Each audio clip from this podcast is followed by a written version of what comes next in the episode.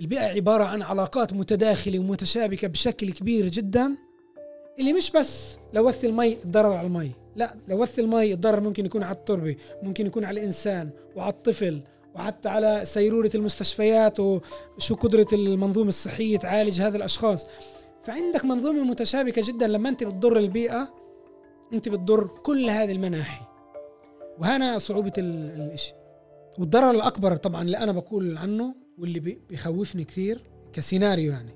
إذا بحط سيناريوهات هو قصة الفيضانات. لأنه إحنا شفنا بكل حرب وكل حملة عسكرية صارت على غزة الضرر اللي صار في منظومة الصرف الصحي أو الصرف تصريف الأمطار سواء جوار حتى الصواريخ ال GBU هذه بيسموها اللي بتعمل حفرة هائلة في الأرض طبعا هي بتصير مجمع وبتصير خطر على السكان مجمع للتصريف كأنه. فباعتقادي أساس نقلل من الأضرار ويكون خطوات باتجاه تحسين الواقع في غزة وبداية إعمار صحيحة إنه على الأقل موضوع الفيضانات يأخذ تسليط ضوء كبير أساس اللي تهجر وتم إخلاء منطقته في الحرب بعد ما تهدأ الحرب إن شاء الله يعني قريبا.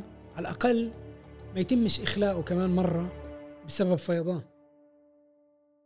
تحياتي للجميع في كمان حلقة من بودكاست الميدان. أنا عبد أبو شحادة عبر موقع عرب 48 بس زي دايما قبل ما نبلش ما تنسوش تتابعونا عبر جميع تطبيقات البودكاست. Spotify Apple Google Anghami أو ممكن تسمعونا عبر تطبيق وموقع عرب 48 واليوم معي في التسجيل مهندس البيئي عمر عاصي. يعطيك العافية عزيزي. الله يعافيك. شكرا على وقتك. شكرا لكم على الاستضافة. قبل أسبوع بلشت المحكمة جنائية محكمتها ضد إسرائيل بعد ما جنوب أفريقيا قدمت شكوى على إبادة جماعية ضد أهلنا في غزة بسبب الحرب. بس بهاي الحلقة بدناش نحكي على إبادة البشر بدنا نحكي على إبادة البيئة اللي بتصير في غزة. ورح نوصل كمان بالمحور الأخير على كيف اللي بيصير بغزة. رح يأثر كمان علينا في الداخل بكل بكل المنطقة. عمر أنت صرت كاتب عدة مقالات على الضرر اللي بتشهده غزة من بعد الحصار. يعني مهم نحط الأمور في سياقها إنه الحياة ما بلشتش ب 7 10 وبس قبل ما نحكي على الحرب دخلنا شوي على الصورة إيش الوضع البيئي؟ وإيش التحديات؟ أهالينا في غزة بيعانوا منها أو كانوا يعانوا منها لحد 7 10 بسبب الحصار اللي ببلش بسنة 2007 تمام. موضوع البيئة في غزة هو موضوع شائك جدا. يعني إذا بدك تيجي تحكي على موضوع الصرف الصحي بتقدر تحكي عنها مقالات وليس مقال واحد. موضوع المياه مياه الشرب اللي هي إشي أساسي جدا لأي إنسان. في غزة هذه مشكلة بحد ذاتها. موضوع الطاقة والكهرباء. طبعا كله دائما بنرجع على موضوع الحصار. مش موضوع التقنية أو الهندسة زي ما في ناس ممكن تتخيل. يعني بالعكس اللي بيتابع غزة وشو بيصير هناك ممكن يلاقي إبداعات هندسية لما جزء مش موجودة بمحلات ثانية بالعالم. هناك لأنه في منع لإدخال مواد معينة منع لإدخال تقنيات معينة منع لإدخال معدات معينة. فبالتالي عندك تحديات هائلة. ودائما بحب وأنا أحكي عن البيئة في غزة في منا مرات لما يسمعوا كلمة غزة بينسوا إنه إحنا بنحكي على أول شيء إحنا دائما نقصد فيها قطاع غزة اللي هي مسافة 365 كيلومتر مربع. يعني مسافة كبيرة جدا اللي توازي أكثر من آه، كل منطقة وادي عارة تقريبا. وبنحكي على إيه إيه خلينا نقول كثافة سكانية عالية جدا جدا اللي في ناس بتحكي هي الأعلى عالميا. طبعا شو هذا معناه؟ من ناحية المهندس البيئي أو تخطيط المدن في عندك إشكاليات كيف توصل مي بالحالة الطبيعية أنا بحكي مش بحالة حصار. لما عندك مدينة زي أو مدينة أو زي قطاع غزة اللي فيها 2.2 مليون إنسان في تحديات حتى بالوضع الطبيعي. م. لإيصال المي لموضوع الكهرباء لموضوع الصرف الصحي. إحنا بالبيئة بنهتم بشكل عام كيف موضوع الصرف الصحي والمياه والنفايات. طبعا هذه آه، مسألة أخرى ممكن نتوسع فيها أكثر. بس إذا بدي أجي أطلع على هذه التحديات بظل الحصار انت بتحكي على إشي اللي أنا لليوم بتقول بس بتقول الله يعينهم. لأنه هات نبدا بموضوع الصرف الصحي مثلا. ونبلش شوي من وقت الحصار على غزة 2007 لما بنبحث في الكوارث البيئية الفلسطينية على مستوى فلسطين واحدة من الكوارث البيئية اللي صار لها ضرر كبير جدا على السكان وعلى الأرض وعلى التربة وعلى المياه حتى كانت ببيت منطقة بيت لاهيا.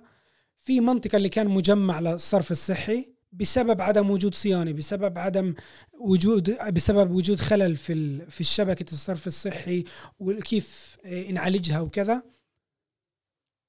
انهار السواتر الترابية المحيطة بال, بال بالمجمع هذا الصرف الصحي وانهار على قرية كاملة اسمها ام نصر. تم إجلاء قرية كاملة ببداية الحصار على غزة هذا لسه ما بلش ال... لسه ببدايات الحصار. كارثة بيئية إحنا بنحكي. لما عندك صرف صحي طبعا هو ملوث بالممر ملوث جدا. الصرف الصحي كلنا بنعرف شو هو. ملوث جدا وفجأة بتم آه، فيضان كامل على قرية كاملة منطقة كاملة شمال آه، غزة في بيت لاهيا. وتم إجلاء 5000 شخص. كان في ضحايا كمان آه، أطفال وطفلين وامرأتين. وهذا بس بالبداية أنت بتحكي. وبعدها تبدأ كوارث بيئية ثانية بمجال الصرف الصحي بالذات. وبالمناسبة يعني عشان نربط الأشياء ببعضها ونشوف قديش حجم الكارثة اللي صارت بعد 7 آه، أكتوبر في غزة. من خلال متابعتي للتقارير اللي بتطلع من غزة طول الوقت على موضوع الصرف الصحي. بتشوف إنه بال 2021 احتفلوا في غزة إنه لأول مرة الشواطئ خالية من التلوث. يعني كانت في جهود كبيرة جدا خلال كل هذه السنوات لإصلاح ما تدمر منذ يعني كانت دائما في محاولات إيه، مشروع من هان مشروع من هان على أساس يصلحوا موضوع الصرف الصحي. وبعدها ب 2021 الوضع بتصلح بطريقة اللي هي إيه، خلينا نقول لأول مرة فيش إيه، تلوث بالبحر من الصرف الصحي. وهسه بالحرب تم تدمير كل اللي تم العمل عليه خلال كل السنوات السابقة. عمر قبل ما نحكي عن الحرب يعني اللي بفهمه منك لما إحنا كانت توصلنا صور من من غزة عائلات بشط البحر بتسبح؟ يعني لعند طبعا سبعة سبعة عشرة. عمليا كانوا يسبحوا بمي ملوثة بسبب الحصار وبسبب عدم وجود بنية تحتية كافية لعدد السكان الموجود في غزة. بالضبط. طبعا عشان بس نكون دقيقين شواطئ غزة تختلف. يعني م. من مثلا من خان يونس لمنطقة الشمال آه، مخيم الشاطئ مثلا في اختلاف. والشواطئ تختلف في تلوثها. بس مثلا كل الشط المقابل لمدينة غزة كان ملوث جدا. م. وين وادي غزة؟ مثلا. ف وللأسف يعني حتى أنا شفت التقارير السابقة اللي بتحكي بز... قبل يعني ب... ب...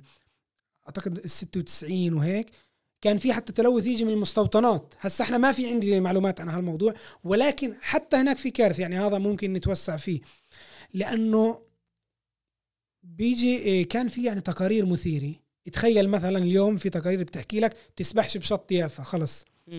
طول الموسم السباحة مش شهر وشهرين. وبغزة كنا نشوف هيك تقارير بتقول للناس ممنوع الدخول للبحر الرجاء عدم السباحة يعني. فناس لسه عايشين بحصار. مرات فيش كهرباء في البيوت. آه، مرات الظروف آه، طبعا أنت بدك تفسح عن نفسك يعني. أنت بالصيف الأولاد عطلة كذا. وبيقولوا لك تطلعش على البحر.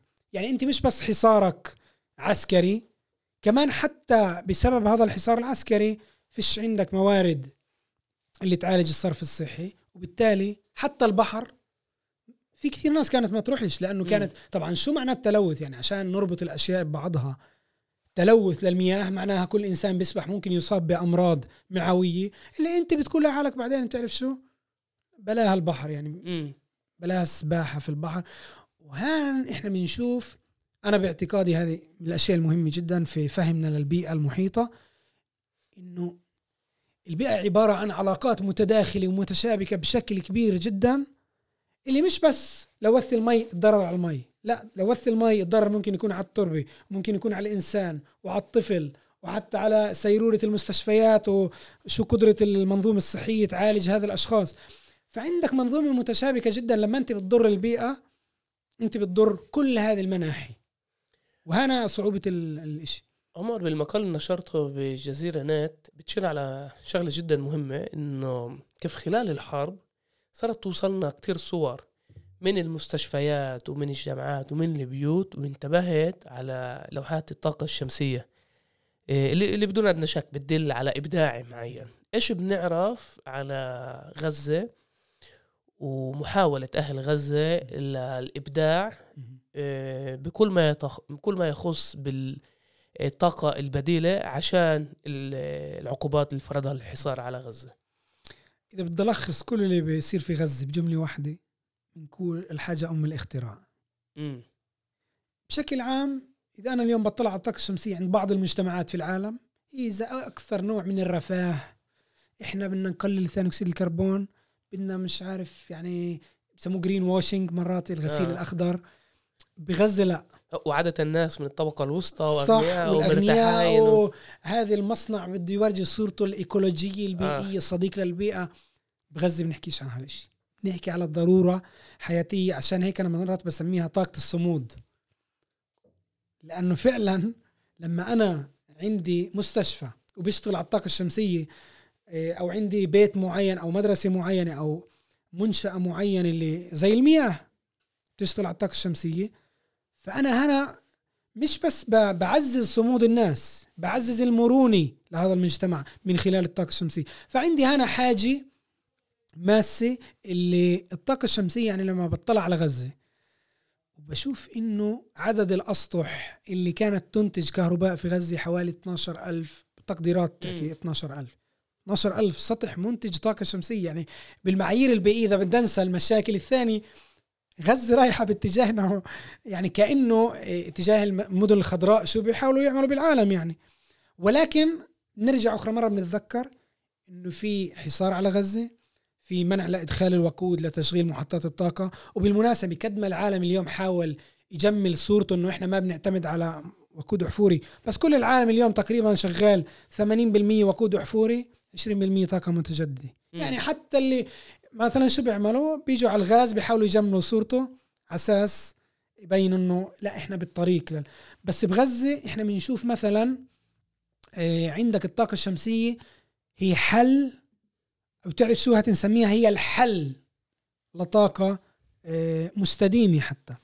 على أساس الناس تقدر تكمل يومها وتعيش. ف بنشوف من الأشياء اللي عن جد كان عنها كثير صور خلال هذه الحرب بالذات استهداف الطاقة الشمسية. وهنا انت بتشوف انه في كان كل محاولات تهجير السكان. طب لما عنده طاقة شمسية يعني انت اليوم مثلا عشان بس نتخيل إذا شركه الكهرباء قطعت عنا الكهرباء في بيوتنا إحنا خلص إحنا سلامة سلمى. سلامة سلمك ممكن خلص يعني تقعد انت واولادك وابنك اللي بيجوز عنده جهاز التنفس أو الأنهلاتسيا بسموه خلص انت فيش عندك حلول. ولكن بغزة اللي كان عنده طاقة شمسية هو بيقدر يستمر حياته وإذا عندهم بير قريب وبيعتمدوا عليه حتى هذا بنسميه بعلوم البيئة ال autarky يعني زي ال ال الاعتماد على الذات. مم. ممكن يستمر ومنظومة معت... فأنت لما بتضرب الطاقة الشمسية تضرب واحدة من المفاصل ال- أو من الأعمدة المركزية لهذا الصمود تبع الإنسان في هذا الحيز.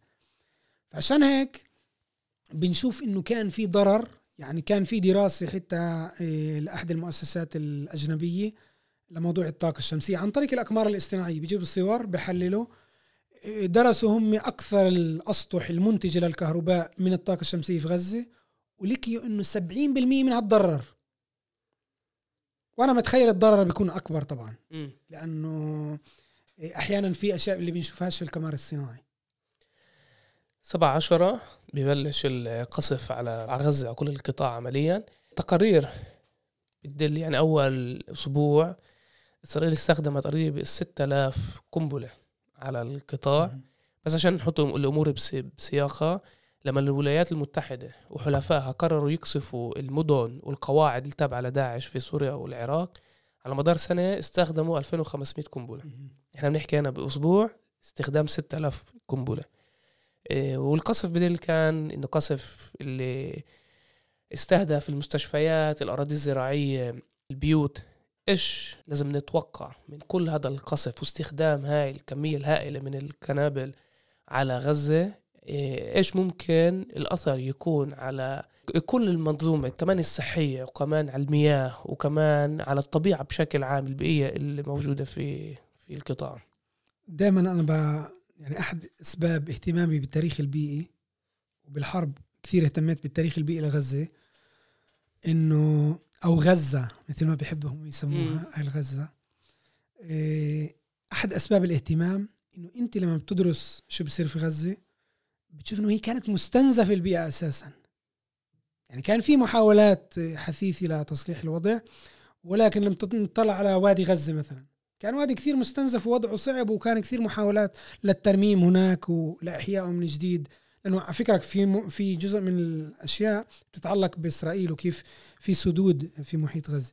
فأنت بتحكي على بيئة مستنزفة اللي أساسا مستنزفة وبالحرب لما كل هذا القصف يعني مثلا ضعطي مثال على منظومه المياه لأنه هي أكثر شيء كان في تسليط الضوء عليها.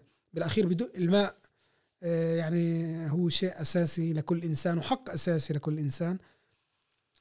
باليوم الطبيعي لما بنضرب خط مي عندنا في البلاد بجوز بدهم مرات يومين أسبوع أو إشي عشان يصلحوا الوضع. طب لما عندك مثلا تحكي على مرات 50% من المنظومة من شبكة مد المياه تضررت بس نتخيل عن جد شو كمية الضرر اللي بتصير هناك. فأنت عندك مش بس الشبكات إمداد المياه تضررت لما أنت بتقصف بصواريخ معينة اللي توصل لأعماق الأرض ما عندي التفاصيل بجوز تقنية قديش الصاروخ بيوصل تحت ولكن ممكن 10 متر توصل في صواريخ اسمها GBU تحدثوا عنها بالتقارير. انت هنا ضررت شبكات شبكات المياه شبكات الصرف الصحي. وهنا خلينا نوقف شوي. أول ما مطرت أكثر شيء تضرر وانكتب عنه مخيم اللاجئين في جباليا. طبعا عندك دائما إحنا بنفصل لما بنحكي على فيضانات في الشتوية في فيضان مع صرف صحي وفي فيضان مياه.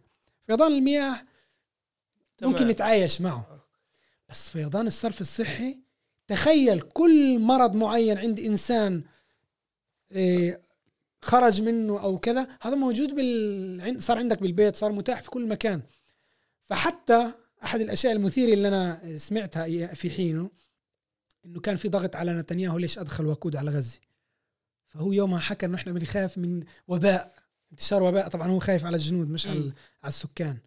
وبالتالي حتى كان أعتقد بهذه الجزئية اللي هي فيضانات الصرف الصحي كان حتى في وعي.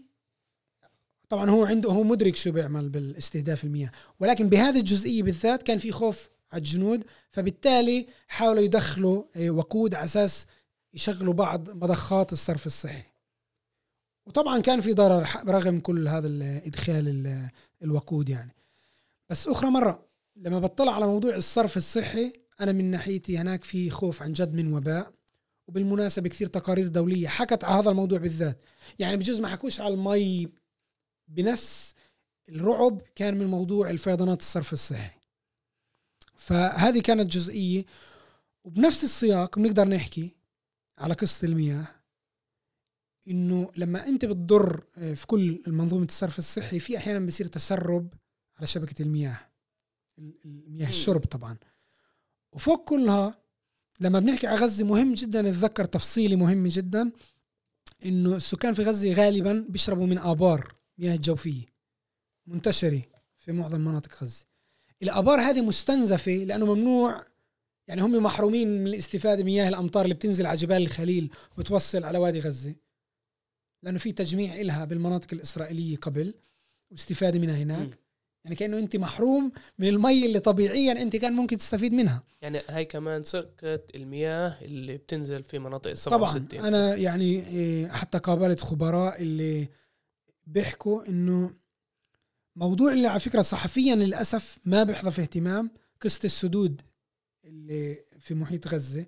طبعا في إنكار إسرائيلي تجاه موضوع إنه إيه، فتح يعني هو دائما في ادعاء إنه عندنا بأوقات الأمطار لما يكون في شعور إنه ممكن يفيض السد بيفتحوه الفيضان بيصير في غزة. وفي كان كثير اتهامات بهذا السياق للجانب الإسرائيلي. ولكن إذا اليوم ببحث على تقارير عالمية حتى بالموضوع بتلاقيش كثير على جزئية السدود. فموضوع إنه سرقة المياه هو موضوع كثير آه، انكتب عنه. مش بس من غزة حتى من الضفة يعني بنعرف هذا الموضوع إنه. أنت بتحسب اتفاقية أوسلو ممنوع تحفر بير مي إلا بإذن إسرائيلي. وممنوع تجمع مي كمان يعني فوق وحتى تجميع المياه في الضفة أعتقد في ناس بتعمله. عندنا مثلا إحنا ممنوع بالداخل، آه. مي مية ال- المطر. وهنا بتيجي لإشكاليات مع كل المنظومة مش بس يعني أنت بتفهم انه في عندي هنا إشكالية. وطبعا إحنا بنفهم ليش هذا الشيء لأنه اللي بيسيطر على المياه بيسيطر على كل آه، كل الموارد ال- المحيطة. عمر تعال نقول المحكمة الدولية بكرة بتطلع بقرار بتلزم إسرائيل توقف الحرب على غزة وتسحب جنودها من القطاع. غزة المدينة وشمال القطاع. وخان يونس وجباليا كل هاي الأحياء والحارات في القطاع. صالحة للحياة يعني بعد كل هذا القصف والضرر البيئي الموجود هناك؟ إيه، أنا طبعا لازم أقول إنه لازم تكون صالحة للحياة أو لازم ترجع صالحة للحياة. لأنه أنا بصراحة عندي عن جد كثير يعني لي أصدقاء بغزة اللي كانت عندهم مبادرات زراعية. بس أما أتخيل هيك بده يرجع كل الأشياء اللي كان بنيهن وبكلف يعني الإمدادات المياه لل كله تدمر هذا. حتى الأرض تدمرت لما في عندك كمية صواريخ وقنابل وكل هذا اللي اجى على الأراضي الزراعية الدبابات اللي داست كل هذه الأرض والزيت اللي طلع منها ول ول ول فأنت عندك كمية ضرر مخيفة. أنا باعتقادي يعني زي ما قلت قبل لما بتضرر عندنا خط آه، صرف صحي للي بيعرفش خط الصرف الصحي يعني البيوف إحنا مرات بنسميه. آه، لما بتضرر عندنا خط زي ها أضراره أحيانا بتستمر أشهر بعده. لأنه حتى بلدياتنا اللي فيه معهن شوية مصاري شوية. وفي إلزامات قانونية في إلزامات بتلزم- قانونية بتلزم. بتصلحش الإشي كما يجب. فكيف بال... بغزة الوضع لما أنت دمرت كلها؟ هسا بنرجع لسؤالنا إنه أنا بقول إيه باعتقادي لازم يكون تكاتف من كل النواحي. مش بس نتذكر إنه في بيوت انهدمت. بالأخير البيت اللي انهدم مثلا في غزة في كثير نشاط زراعي يعني اللي ما بيعرف إيه مثلا في عاصفة إليكسا اللي كانت على غزة. أكثر ناس تضرروا بالعاصفة ماليا يعني إيه مزارعي. التوت. الفراولة اللي بيسموه أو التوت الأرضي. إيه فريز في بيسموه برضه. فغزة مشهورة بزراعة التوت. لما أنت صار عندك تخيل كارثة طبيعية لسه ما بنحكيش على فتخيل هسه شو وضع كل هذول السكان. طيب عندي مثلا في غزة في مناطق اللي هي زراعية كاملة كانت تعتبر سلة غذاء آه، غزه كل هذا تدمر. انت عشان ترجع تزرع انت عشان ترجع تعمر كلها انت بحاجة مش بس لطاقة مالية لطاقة نفسية لا إنه ترجع تشتغل على كل هذه الأمور. فأنا برأيي في ضرر هناك. أنا شخصيا حتى ما بقدر أقدره لأنه مم. أنا بعتقد حتى غير قابل للتقدير. كشخص اللي اشتغل برضه بمجال تحليل الآثار البيئية في مجالات معينة لما بطلع على الحرب إذا أنا بدي أفكر فيها كمهندس بيئي هسا أخذ الأشياء. طب عندي كمية الدمار ل 300 ألف بيت منزل. طب إحنا على فكرة بالداخل بنعاني من مشكلة مخلفات البناء.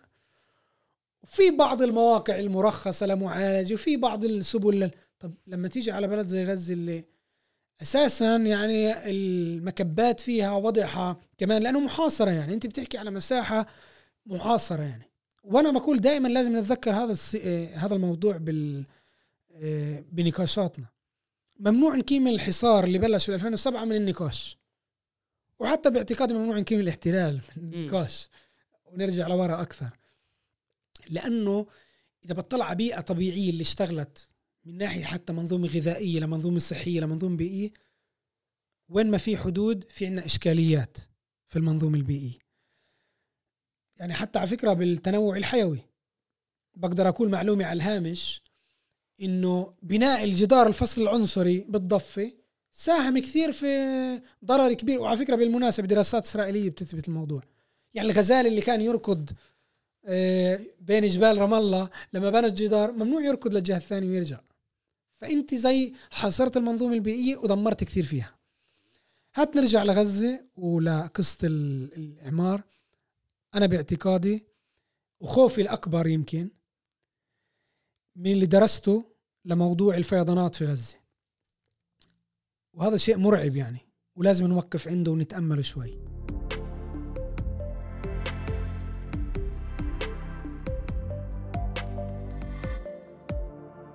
بعد حرب 2009 اللي كثير منا يمكن بتذكروها أنا شخصيا بتذكرها. بكثير تفاصيلها لأني حتى عشت يعني كنا نزور كثير طلاب إيه، أطفال من غزة مرض بالسرطان وأنا ما تطرقت لموضوع السرطان بالحلقة مع إنه يعني ممكن نحكي عنه كثير كثير بالمحور الأخير بدي نحكي شوي عن الأمراض أها والأوبئة اللي ممكن تطلع بسبب كل هذا كل تمام. بسبب كل هاي الأضرار بس حاليا خلينا بالمياه بدي أسمع يعني يعني بالفيضانات. بالفيضانات وإيش. وإيش مخوفك يعني أنا أحد الأشياء اللي صعقتني وعن جد يعني بخليك مش تتضامن مع غزة يعني أنا بقول إنه كلمة تضامن حتى يعني ممنوع تكون لازم يعني نكون كلنا كالجسد الواحد على الأقل يعني بتطلع أنت الجماعة بال 2009 طالعين من حرب وعلى فكرة أنا فهمت من أصدقائي اللي بغزة اللي درسوا معنا وكذا بال 2009 كان لها أثر كمان قوي يعني كانت في صدمة.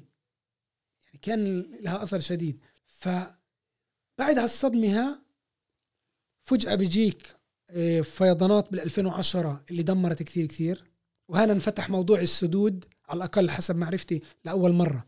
إنه إسرائيل بتفتح سدود وبتفيض مناطق واسعة بجحر الديك ومنطقة وادي غزة. يعني أحسن حال. قله مسؤولية أسوأ حال إنه بالعمدن بيفتحوا هاي السدود عشان تخلق فيضانات. فيضت بالضبط. هذا التقارير كله آه، بتحكي عنه مؤسسات حقوقية. اللي أنا كمان آه، في التقرير اللي كتبته بذكر هذا ال- الموضوع. طيب بال 2012 صارت كمان حملة عسكرية على غزة استمرت أعتقد ثمان أيام أو 11 يوم مش مش ذاكر بالضبط. واللي بيعرف بيئيا متابع الأخبار الطقس والمناخ. بيعرف إنه كانت عندنا بال 2013 عاصفة إليكسا. عاصفة اللي. كانت آثارها كبيرة جدا. فالجماعة لسه 2009 وبعدها آه. اجى فيضانات إيه، كان أثرها كثير كبير في منطقة وادي غزة بالذات. بعدها بيجيك بال 2012 إيه، حرب وبعدها بيجيك إليكسا. بتدمر كثير كثير كثير. يعني الدمار إيه، يعني حكيت عنه كثير مواد وتفصيلات و بيوت كاملة بتغرق حارات كاملة بتغرق حارات كاملة يتم إخلاءها. كأنك بوضع حرب يعني. فأنت مش بس فهنا بنيجي وبنقول إيه جماعة ما بيطلعوا من حرب فايتين على كارثة طبيعية على فيضان على كذا. فأنا خوفي الكبير إنه الضرر اللي صار بهذا الحرب لمنظومة الصرف الصحي لمنظومة المياه لمنظومتها ما بدي أقول سيناريو سيء بس كلنا بنعرف إنه كمية بسبب التغيرات المناخية الفيضانات بالحيز العمراني زادت بشكل غير مسبوق. غير مسبوق. أتخيل سيناريو سيء وهذا لازم كلنا ننتبه له. يصير عندي مثلا بشتاء سواء 2024 أو 2025 فيضانات اللي هي كبيرة. وعلى فكرة بلادنا كثير فيها تاريخ الفيضانات يعني مش إنه إشي اللي نحكي على إشي اللي هو بسرش. يعني منطقة وادي عارة صار فيها فيضان مذهل بسموه تسونامي بال 2006 مش. زمان كثير. إليكسا ضررت كثير بيوت آه، كمان في كل بلادنا تقريبا منطقة الشاغور والنقب دائما بصير فيضانات فهذه السيناريوهات لازم ناخذها وإحنا بنخطط للإعمار. ولازم ناخذها بالحسبان وإحنا بنفكر في مصير غزة بعد الحرب. ليش؟ بدي أوقف على حرب ال 2021 اللي كانت في مايو 2021 الحرب خلصت صح؟ أضرارها لأنه هي كانت الحرب بمايو أضرارها بينت 22 22 م- ليه- يعني أضرارها على البنية التحتية لأنه كانت في كثير بنى تحتية لسه ما تصلحت.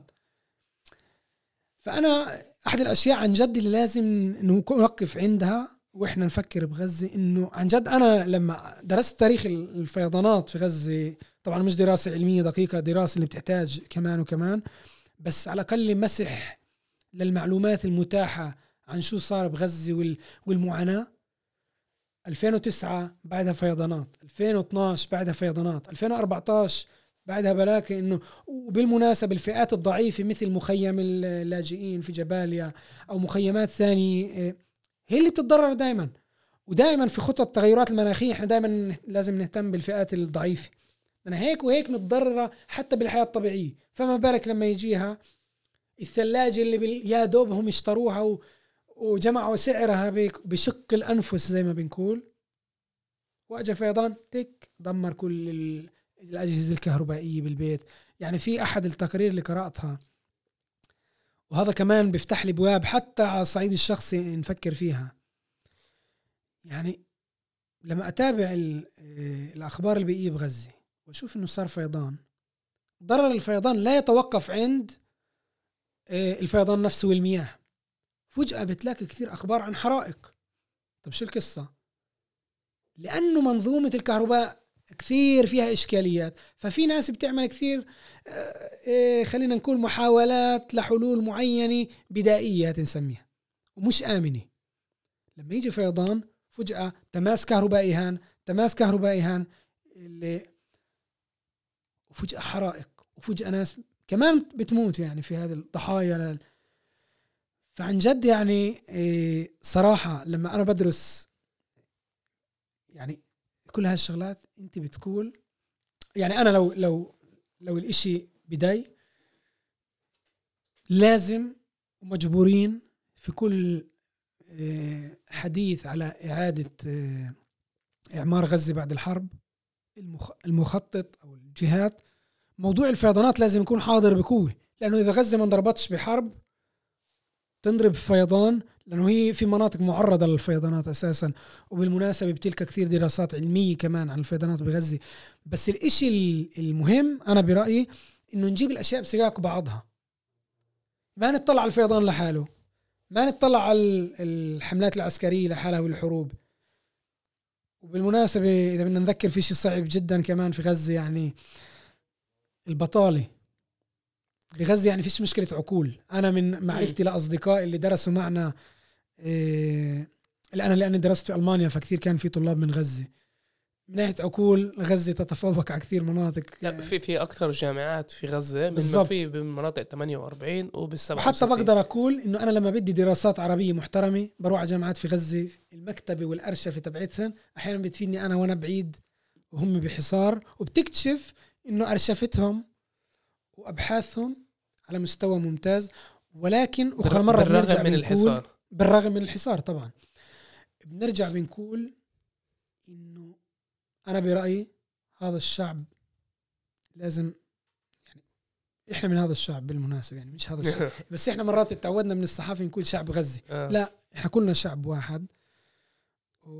ولازم نتذكر إنه حتى لو أهل غزة أعطوهم يحلوا المشاكل اللي عندهم بإيديهم بس تتاح لهم ينفك الحصار وهذا إشي أنا باعتقادي لازم يصير مش من اليوم من زمان كان لازم يصير.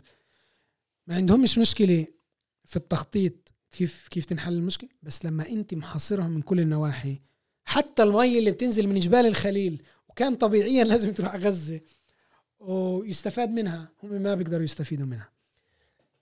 عمر يعني بجوز إحنا بنعترف بالحدود. بالعالم. بس البيئة بتعترفش بالحدود. بالضبط. و الضرر اللي ممكن يبلش بغزة مش شرط يوقف بغزه كان عدة تقارير بتحكي من خوف من انتشار وباء بسبب الوضع الصحي الموجود في جنوب القطاع وفي شمال القطاع بسبب الحرب. إيش السيناريوهات اللي بتستنانا؟ مش بس على غزة. مش بس على الداخل لكل المنطقة. إيه وبدي أجيبها بالسياق إنه بس قبل سنتين سنتين ونص كان في وباء الكورونا اللي دلنا أو علمنا كمان مرة إنه الوباء بيعرفش الحدود. مش مهم. قديش الدول الوطنية بتحس إنه عندها سيطرة على الحدود. فإيش التوقعات هلأ على كل المنطقة؟ وهل في خطر علينا كلنا يعني مش بس على أهلنا في غزة؟ زي ما أنا أنا دائما بقول إنه بموضوع البيئة التوقع هو أصعب شيء يعني في عندنا سيناريوهات طبعا بتكون بس بدي اعطي مثال صار في بداية الحرب وأنا شخصيا مثير وبيستحق الدراسة. بجوز كنا كلنا في بداية الحرب بشهر عشرة هيك كنا وليش مصدومين من حجم الدماء مصدومين من كمية الضحايا الدمار. فجأة وأنا بفت يعني بتابع بقول في يعني هم بيسموها زي في الصحافة العبرية بالمناسبة ضربة بعوض تضرب تل أبيب. شو اللي صار؟ بدوا يسألوا هل في علاقة للحرب بالموضوع؟ بعوض طبعا البعوض نعرف شو مشكلته. بعوض ينقل أمراض. هيك بالصحة البيئية دائما ارتباطه يعني. فكمية ال... حسب التقارير اللي أنا قرأتها طبعا وإسرائيلية بالمناسبة إنه كمية الحركة اللي كانت في محيط غزة بالدبابات وكذا في كان في مرات بيكون مواطن معينه للذباب وللبعوض بالمناطق المفتوحة. فلما كل هالمناطق المفتوحة بين قوسين انتهكت بتصير خلل في الطبيعة. وعن جد يعني كان موضوع إنه ضربة البعوض بجزء بجسد لمحة بسيطة كيف إحنا لما بنفوت ندمر في بلد. يعني مثلا لو انتشر وباء في غزة والبعوض ينقلوا بنقلوا في كل مكان في العالم البعوض تعرفش الحدود. عمر أنا أول... بس بدي أقول شغلة. أنا أول مرة بسمع هاي المعلومة وفعلا بشهر عشرة كان في نقاش بيني وبين زوجتي. من وين اجى كل هذا الناموس أو البعوض كيف أنت بتذكره بهاي الفترة وأنت هلا حلت لي المعضلة؟ بصراحة أنا شخصيا آه، كنت بتوقع بت يعني بنتظر من الصحافة تتوقف عندها. حاولت أشوف حدا اذا عنده خلفية بس أقول لك الصراحة كثير ناس وأنا منهم يعني كنا مصدومين من كمية كل اللي بيصير يعني ما ما بقدر أبالغ حتى أنا لحد ما صرت أفكر في الآثار البيئية اخذ لي شهرين بجوز عبين ما استوعبت كمية الأشياء اللي بتصير. وهذا إحنا لسه بنعرفش حجم الضرر يعني طبعا ممكن يكون أنا لسه ما بحكي أنا دائما بآمن على فكرة ومهم اللي بيسمع يسمع هذا الحكي. كل اللي أنا بقوله بالإعتماد على مصادر من جوا غزة. يعني زي م. أنا بنقل الأشياء لأن أنا بآمن البحث الصح لازم يكون آه، بالرؤية والمعاينة والدراسة عن قرب وأبحاث يعني ما بدنا نفوت في كثير تفاصيل ولكن كانت في دراسة إيطالية بعد الحرب لكمية المعادن الثقيلة اللي بتربط غزه بسبب صواريخ 2009 اللي ما كانتش بكمية اليوم يعني اليوم لو يوصلوا وكان أضعاف مضاعفة يعني بنلقى عنصر مثل الزئبق موجود بكمية هائلة في التربة في مناطق معينة طبعا. المناطق العينات الزئبق بيجي بسبب الصواريخ وال وفي أخرى معادن ثانية لا أذكر التفاصيل بالضبط ولكن في دراسات بتأكد هالموضوع واللي بحب يرجع هي موجودة ومتاحة. بس بدي أرجع لأخرى نقطة على قصة الأثر البيئي.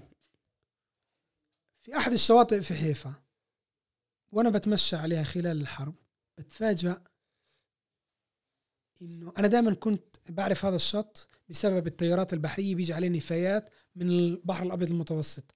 يعني عندنا طيارات بحرية بتنقل كمان النفايات للي ما بعرف. هو من الجنوب للشمال أنت أيوه زي من منطقة آه. الإسكندرية وليبيا أو هيك.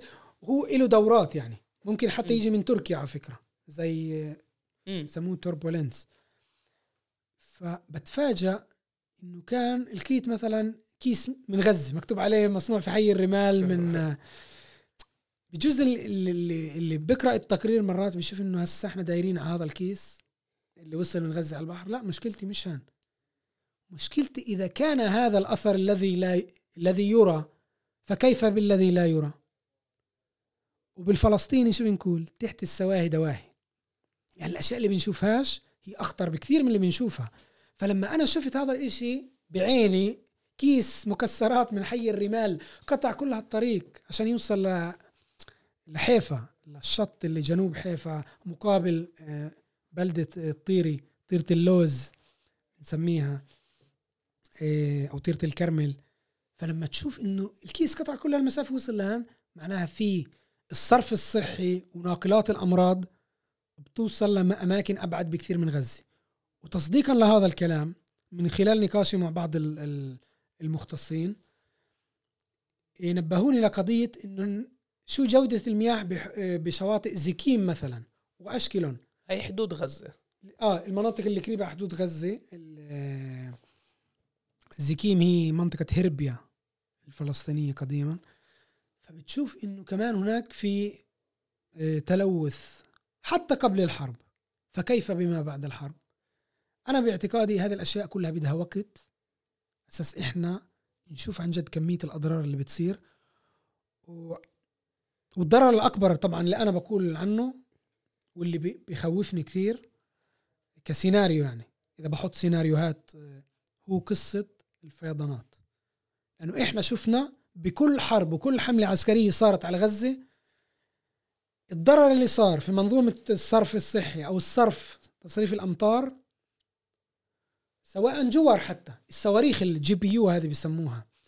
اللي بتعمل حفرة هائلة في الأرض طب ما هي بتصير مجمع وبتصير خطر على السكان مجمع للتصريف كأنه. فحتى هذه الأمور ممكن نشوف أثرها إذا مش يعني إحنا بنعرف دائما فلسطينيا أخرى بالمناسبة. آخر شهر اثنين أول ثلاث ممكن يكون أمراض إيه، أمطار آسف أمطار كثيرة. يسمون أيام العجوز أو المستقرات وحتى علميا يعني دائما هاي الفترة بيكون فيها مرات أمطار بشكل كبير. بناديها اشباط الباط. أيوه اشباط الخباط مرات وكذا. السيناريو تبع الفيضانات من خلال آخر مقالة أنا كتبتها بسياق الفيضانات حتى سميتها غزة ما بين القصف والسيول. يعني إذا مش قصف سيول. فباعتقادي أساس نقلل من الأضرار ويكون آه، عن جد آه، في آه، خطوات باتجاه تحسين الواقع في غزة وبداية إعمار صحيحة إنه على الأقل موضوع الفيضانات يأخذ تسليط ضوء كبير أساس اللي تهجر وتم إخلاء منطقته في الحرب. بعد ما تهدأ الحرب إن شاء الله يعني قريبا. على الأقل ما يتمش إخلاؤه كمان مرة بسبب فيضان. فكأنه هو عاش كارثة وراح يعيش كمان كارثة طبيعية. فهذا هو خوفي الأساسي. وموضوع الصرف الصحي والأمراض كلنا لازم نحكي عنه. بصراحة أنا تجربتي بحرب 2009 ويمكن هذا غير علاقتي مع غزة كلها. لما كنا نزور المستشفيات ونشوف أطفال من غزة لما تلاقي قسم كامل ثلاث أرباع الأطفال من غزة. طب هذا من وين يعني؟ من الحصار من التلوث الموجود. أكيد له أسباب. طبعا دائما في نقاشات بين جماعة البيئة والصحة هل العلاقة سببية أو لا. أنا هذا النقاش بيهمنيش. بيهمني إنه كمية السرطان أمراض السرطان عند أجيال الشاب في غزة مذهلة وأكثر من كثير مناطق في العالم. وأكيد أنا باعتقادي اللي بيعرف ظروف الحياة بغزة وكمية التلوث الموجودة هناك بسبب آه، زي ما قلت انعدام وسائل معينة التخفيف من الأضرار البيئية اللي موجودة في كثير دول في العالم يعني لأنه متاح يشتروها أو يجيبوها. بغزة ممكن تلاقي منشأة معينة اللي هي مسموحة بكل العالم غاد ممنوع يتم إدخالها. يا عم الشغلة مضخة ولا مش عارف إيه. ممنوع. عزيزي أول شيء يعطيك العافية. الله يعافيك. يعني بس عشان نحط الأمور بسياقها التقارير بتدل إنه من بداية الحرب تقريبا كل أهل غزة بين إذا كانوا بالشمال أو بالجنوب عانوا من إسهال. وعادة الإسهال بدل إنه يعني في هناك آه، فيروسات اللي ممكن تلوث بالمياه. تلوث بالمياه وممكن تتحول ل آه، لأوبئة وأنا دائما كنت أختم الحلقات بخصوص غزة إنه مش لازم تكون فلسطيني عشان تتضامن مع أهل غزة تكون بني آدم. بس معك بدي أختم بطريقه تانية. مش لازم تكون حتى متضامن مع الشعب الفلسطيني عشان تكون مع وقف الحرب على غزة وإعادة إعمار غزة. لازم تكون بني آدم عقلاني اللي فاهم إنه اللي بيصير هناك رح يأثر على الكل إيه والأوبئة مش رح تميز وكلنا موجودين بخطر بسبب الجريمة اللي بتصير في غزة. إيه المهندس البيئي. عمر عاصي. يعطيك العافية عزيزي. الله يعافيك. في تعريف الحلقة راح أحط روابط للمقالات اللي كتبتها. اللي برأيي جدا مهمة وكمان موثوق منها وبتعتمد على عدة دراسات مهمة لكل المهتمين بهذا الموضوع. إيه، وهي كانت كمان حلقة من بودكاست الميدان. وزي دايما ما تنسوش تتابعونا عبر جميع تطبيقات البودكاست Spotify Apple Google Anghami. وطبعا ممكن تبعتوا ملاحظات عبر البريد الإلكتروني.